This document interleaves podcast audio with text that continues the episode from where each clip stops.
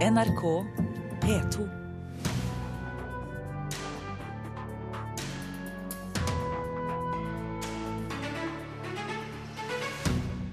Alle de store konsertene gjør det lett å selge Oslo som turistdestinasjon. Det sier reiselivsorganisasjonen Visit Oslo. Ylvis-brødrene har tungt ansvar på sine skuldre, må lykkes dersom TV Norge skal få et godt år. Og Colombia jubler etter at landets nasjonaldans vallenato er kommet på Unescos liste over verdens kulturarv. Du hører på Kulturnytt her i NRK Nyhetsmorgen. 2016 blir et eksepsjonelt godt konsertår i Norge, skal vi tro flere eksperter, som konstaterer at Norge de siste årene har etablert seg som fast stoppested for store internasjonale stjerner.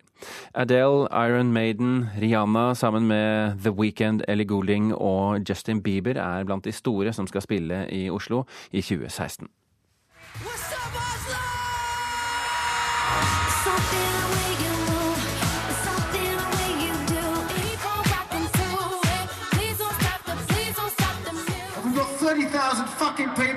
people tonight. It's amazing.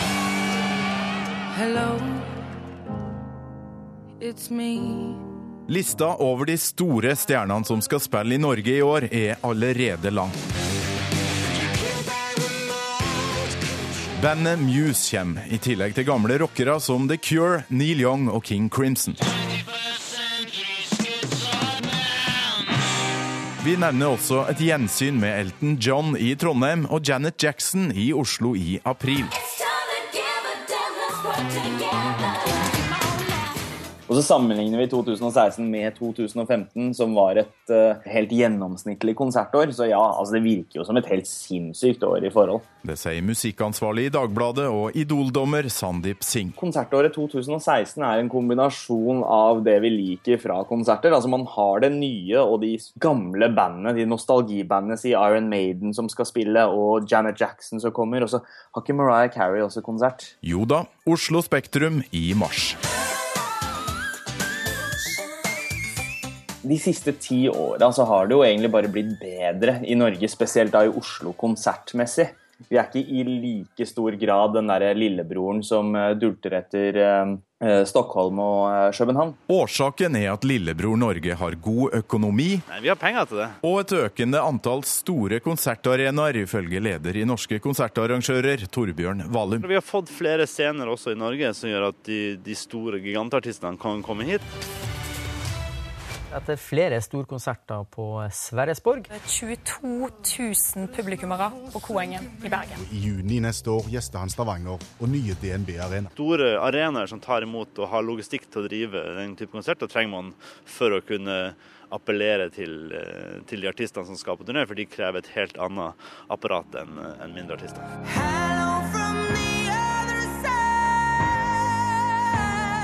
Musikkjournalist Sandeep Singh tror det er flere grunner til at storheter som Adele velger å ta turen innom Norge. Det har vel kanskje litt med at eh, norske fans er veldig hengivne, og så er vi veldig kjappe til å ta til oss ny teknologi.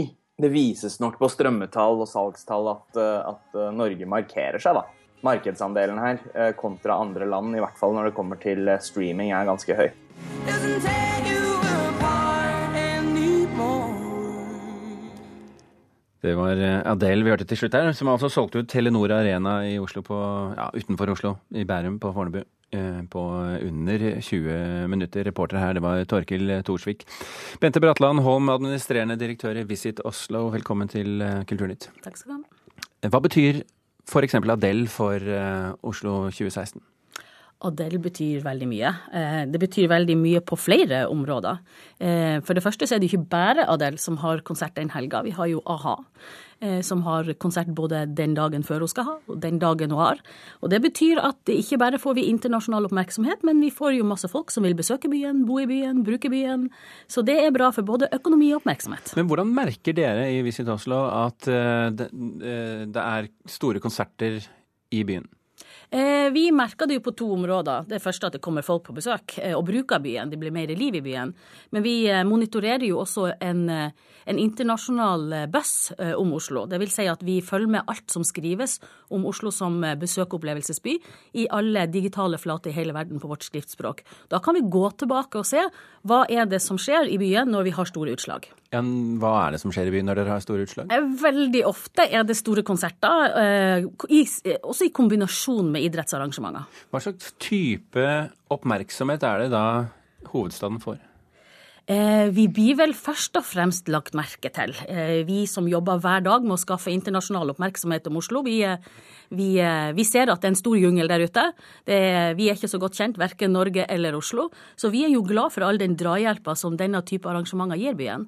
Men er, altså Du sier vi er ikke så, så godt kjent, kanskje sammenlignet med Stockholm og København f.eks. Men hvordan er Oslo som konsertby i forhold til de andre hovedstedene i, i, i Norden? Vi, eh, I antall eh, arrangementer så er vi overlegen. Vi er faktisk blitt mer og mer anerkjent som en konsertby. Og i fjor så hadde Oslo eh, 5000 arrangementer. Det er dobbelt så mye som Stockholm og København til sammen. Eh, så det er klart at det skjer veldig mye på de små scenene også. Men det er når de store artistene kommer at vi får drahjelp, den tunge drahjelpa internasjonalt. Men det at, at um, eh, Justin Bieber og Rihanna og, og disse Miley Cyrus legger ut noen bilder på Facebook eller, eller på Instagram, og så, og, hva, betyr det egentlig? Det betyr, eh, det betyr ganske mye. Vi oppdaga Det dette virker jo så lite, mener jeg. Ja, vi- Det virker så lite, men vi oppdaga dette allerede i 2014, når eh, vi hadde Miley Cyrus på besøk i byen. Og dama tok seg en tur til Frognerseteren, la ut vakre bilder og har 30 millioner følgere på Instagram. Det er klart det at det gir oss en bedre reach mot et eh, yngre publikum enn det vi kan klare sjøl. Men hva, hva tjener reiselivsbransjen på disse store konsertene, da? Eh, De tjener bra eh, når det er de store navnene som kommer. Eh, Hvis vi går tilbake til den helga vi snakka om med, med a-ha og Adele, så er det 30. april og 1. mai. I fjor 30. april og 1. mai så hadde vi dårlig belegg. Vi har 14 000 rom som skal fylles hver dag.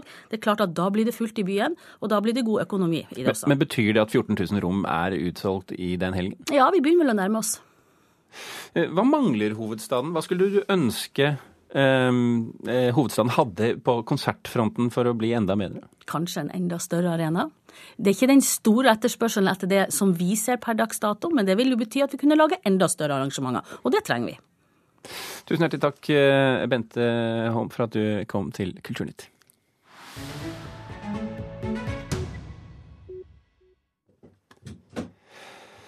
Norske medier kommer trolig til å kutte 242 årsverk i 2016. Gjennomgangen Klassekampen har gjort, viser at det dermed blir omtrent like mange journalister som vil, jobbe, som vil miste jobben i år, som mistet jobben i fjor. VG-redaktør Torry Pedersen sier mediene står overfor fundamentale endringer i årene fremover. Norsk Journalistlag advarer redaktører og eiere mot å tro at kuttene ikke vil gå utover kvaliteten og tilbudet til publikum. Andelen midlertidig ansatte ved universitetene og høyskolene øker. 18,5% var i fjor midlertidig ansatt i akademia, mot mindre enn 10% i privat sektor. Det viser tall fra Statistisk sentralbyrå. Leder i Forskerforbundet, Petter Oslestad, mener det må en lovendring til for å få bukt med de midlertidige stillingene. Oslestad håper en ny lov, som er på høring, kan hjelpe. 30 norske filmer får premiere på kino i året som kommer. 25 spillefilmer og 5 dokumentarfilmer. Det viser en oversikt Aftenposten har laget. Først fra 2017 regner Norsk Filminstitutt at regjeringens nye filmpolitikk vil bli synlig i form av færre filmer. Men flere av filmene som kommer blir også laget uten statsstøtte, så vi får se hvordan det går. Vi snakket eh, med vår filmkritiker i NRK, Birger Vestmo, og vi ba ham plukke ut de tre filmene han gleder seg mest til i året som kommer, og vi spurte om han ikke kunne begynne med en norsk. Ja, la oss gjøre det. For 12. februar er det premiere på Nils Gaups nye film 'Birkebeinerne', som jo eh, handler om eh, norsk historie, kan vi si det. Det, handler om eh, en gutt ved navn Håkon Håkonsen som må fraktes i sikkerhet. Og det er da to menn, spilt av Jakob Oftebro og Kristoffer Hivju, som tar på seg oppgaven å få han over fjellet og i sikkerhet. Er det du som Inga fra Varthaug? Ja, Vi er birkebeinere. Du må bli med oss. Eh, Men eh, først og fremst, Birger, når jeg har sett på denne traileren, så tenker jeg eh, Veiviseren.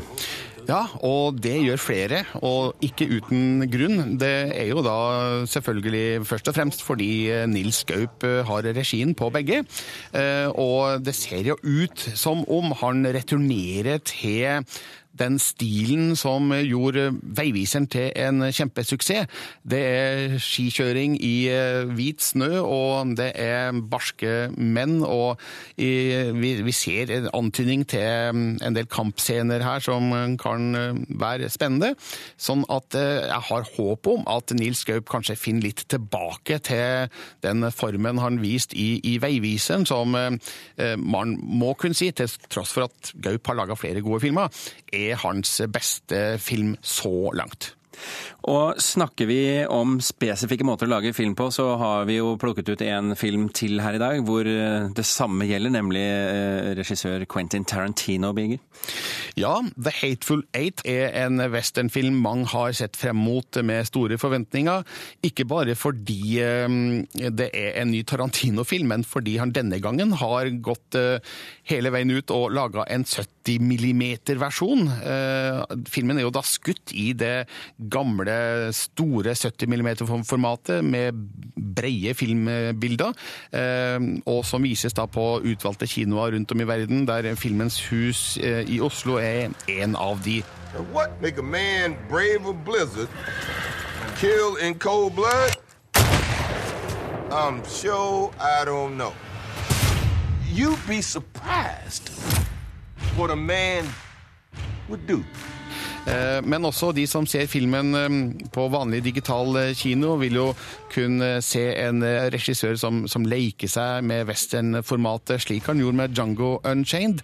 Så dette er nok en film som vil sette sitt preg på 2016. Og vi snakker da om en god dose vold framifrå dialog og et slags underliggende hevnmotiv, går jeg ut fra. Ja, det gjør vi nok.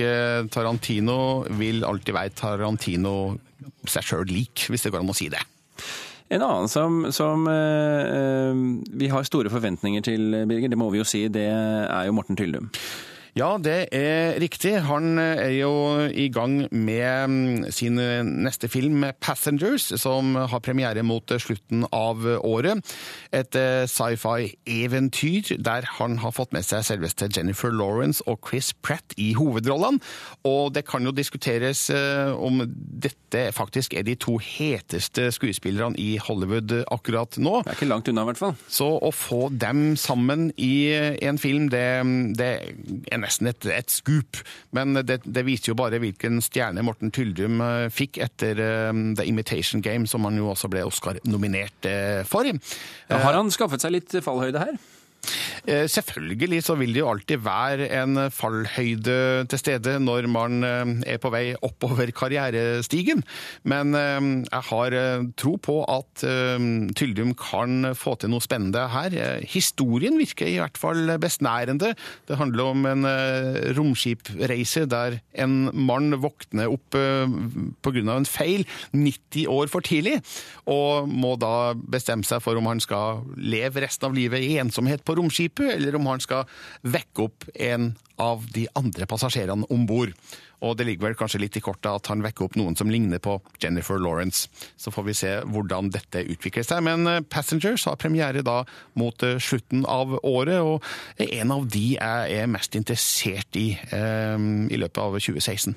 Ja, Det mente Birger Vestmo fra NRK Filmpolitiet. På vei inn i studio nå, brødrene Ylvisåker. Vi skal eh, snakke om hva som skjer denne uken på kulturfeltet, men først en nyhetsoppdatering. For klokken har blitt eh, 17 minutter over åtte ganske snart. Du hører på Kulturnytt, og dette er toppsakene i Nyhetsmorgen. Det blir et magert år for lommeboken din hvis du er vanlig lønnsmottaker. Økende arbeidsledighet og stigende priser er grunnen. LO varsler moderasjon i lønnskravene. En person er funnet omkommet etter en brann på Orkanger i Sør-Trøndelag. Der eh, brant en bolig ned til grunnen i natt. Ti personer ble evakuert. Og en av tre sine En av tre kausjonerer for sine barn for å hjelpe dem inn i boligmarkedet, men mange er ikke klar over fellene de kan gå i og angrer etterpå. Det er eh, mandag, den første uken i det nye året er i gang, og la oss se hva den byr på når det gjelder kulturbegivenheter. Det hjelper ikke hva du har ment. Hva faen betyr det at du har ment det godt? TV-serien Mammon 2, som hadde premiere på NRK i går, fortsetter allerede i dag med episode 2. Slutt å klage.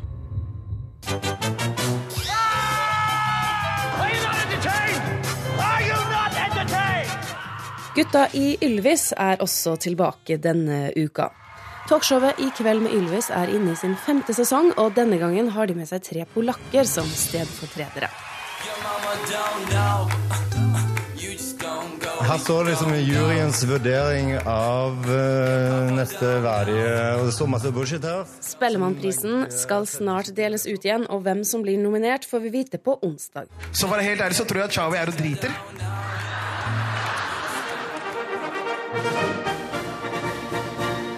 Det norske Blåseensemble skal spille en nyttårskonsert i Sarpsborg i anledning byens tusenårsjubileum. Men ikke alle ukas kulturbegivenheter er av det lystige slaget. En av terroristene etter angrepet mot et fransk satiremagasin i går er pågrepet. På torsdag minnes vi at det er ett år siden terrorangrepene på satireavisen Charlie Hebdo i Paris, hvor 20 mennesker ble drept. Anna? Lørdag er det urpremiere på sceneversjonen av Ingmar Bergmans fortrolige samtaler på Nationaltheatret. Liv Ullmann har regissert stykket, som er et samarbeid mellom Nationaltheatret og Riksteatret. Hi, I'm Ricky Gervais. Watch me host the Golden Globes live from Los Angeles. Og på søndag får vi vite hvem i Hollywood som får æren av å vinne årets Golden Globe-priser. It doesn't matter to me. I've been paid, spent it. What can they do? I've still got to do these. That was contractual. Ricky Gervais tilbake som vertskap for årets Golden Globe Show, et show han har gjort sitt for å prege med både frekkheter og skandalepregede karakteristikker tidligere år. Tilbake også, som vi hørte, Ylvis på TV Norge.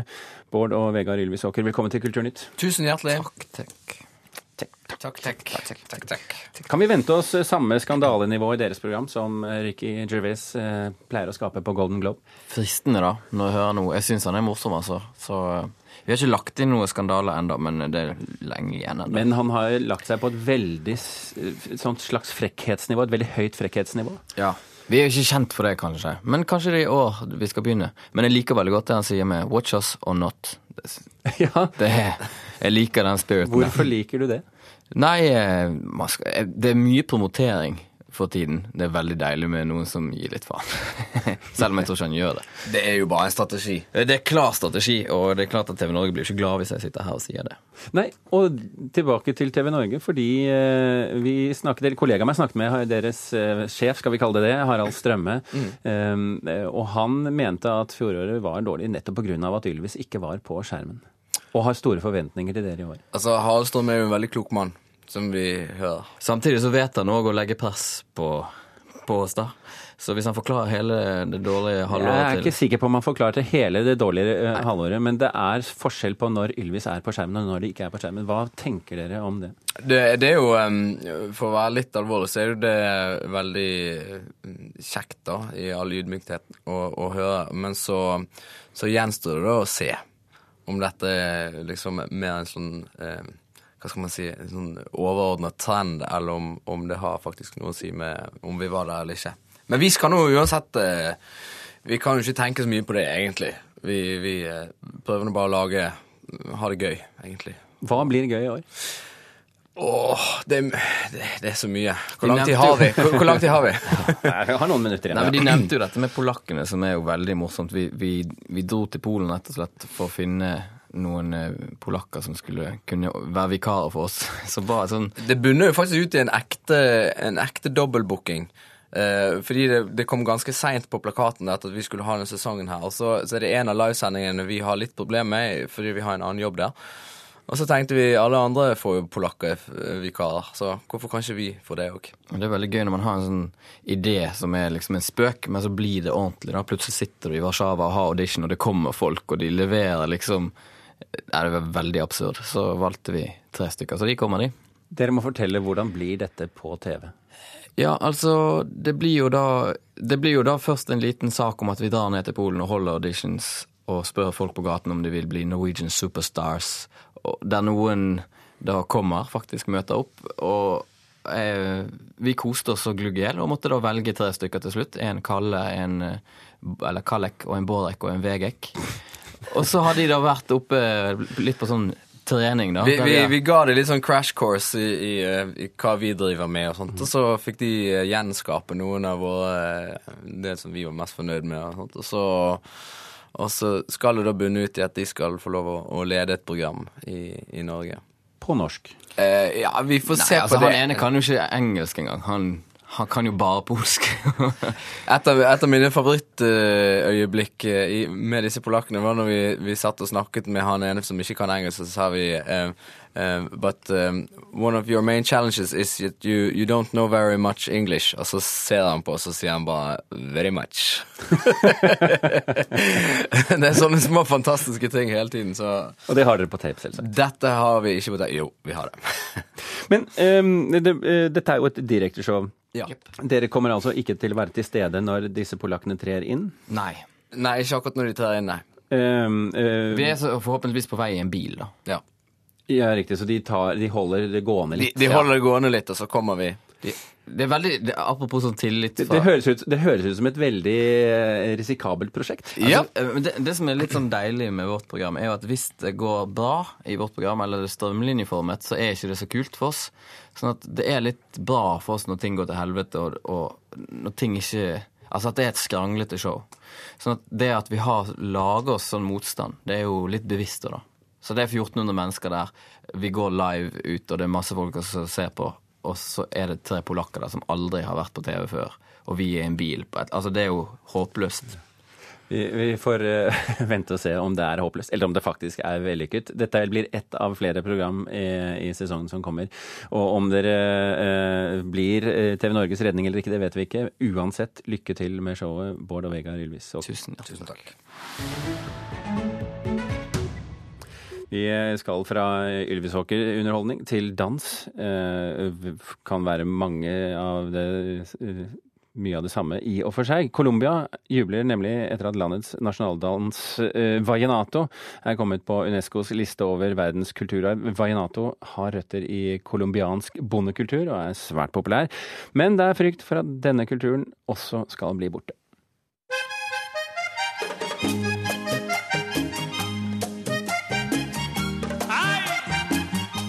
Det er musikken og dansen colombianerne elsker, og det er et av de viktigste symboler på deres identitet. Vallenato kommer fra det nordlige Colombia og har innslag av indiansk dans, spansk poesi og en sangtradisjon som slavene brakte med seg fra Afrika. Nå har altså denne kulturformen fått en plass på Unescos liste over verdens kulturarv, og colombianerne strutter av stolthet over utmerkelsen. Es una gran noticia, Dette er en stor nyhet, sier Colombias president Juan Manuel Santos. Regjeringen og Vallenato-entusiastene har arbeidet hardt for å få dette til, og Unescos beslutning er en hyllest til alle colombianere, sier presidenten.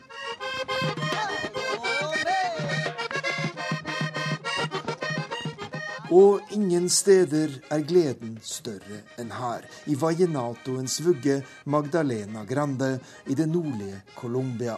Her holdes denne tradisjonen i hevd med store festivaler og paradas, de berømte gatefestene der folk danser vallenato til den nye dagen gryr. Vi er veldig tilfreds med denne anerkjennelsen fra Unesco, sier Efraim Quintero, som er visepresident i Vallenatoens venneforening. Dette er en stor oppmuntring for oss til å jobbe videre for å bevare denne kulturen i en tid med store utfordringer, sier han.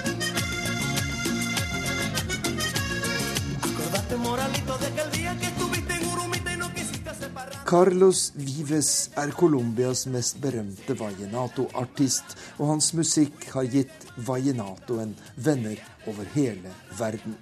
Men samtidig er denne tradisjonsrike kulturen truet bl.a. av mange års borgerkrig, som har gjort det vanskelig å arrangere gatefester og festivaler. Eh. Eh, I dag må vi arbeide bevisst for å bevare det opprinnelige i denne kulturen, sier vallenato-komponisten Gustavo Gutierrez. Vi ser at mange artister nå blander denne musikken med pop og rock, og dermed kuttes røttene til det opprinnelige. Anerkjennelsen fra Unesco er jo også en advarsel om at noe uerstattelig kan gå tapt, sier komponisten. Los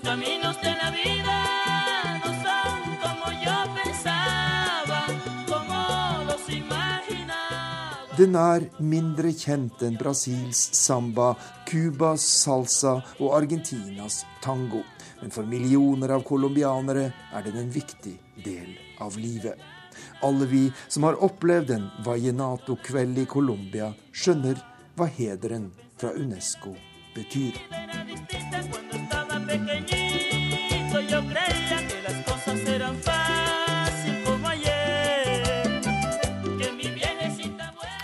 Det var Arnt Stefansen som hadde laget eh, denne saken. Så tar vi, ned, tar vi med før vi runder av her at eh, noen setter seg mer hårete nyttårsforsett enn andre. Facebook-gründer Mark Zuckerberg skriver i en melding på Facebook at han i løpet av året har ambisjoner om å bygge kunstig intelligens, tjenere som kan hjelpe ham i både jobben og husarbeidet. Omtrent som rollefiguren Jarvis i superheltfilmen Iron Man, ifølge Zuckerberg. Hvorvidt dette prosjektet på sikt vil hjelpe flere enn ham selv, er ennå ikke noe vi vet. Det skriver Time Magazine. Og vi er i ferd med å runde av eh, Kulturnytt eh, i dag. Vi har fortalt at reiselivsorganisasjonen Visit Oslo mener alle de store konsertene gjør det lett å selge Oslo som turistdestinasjon.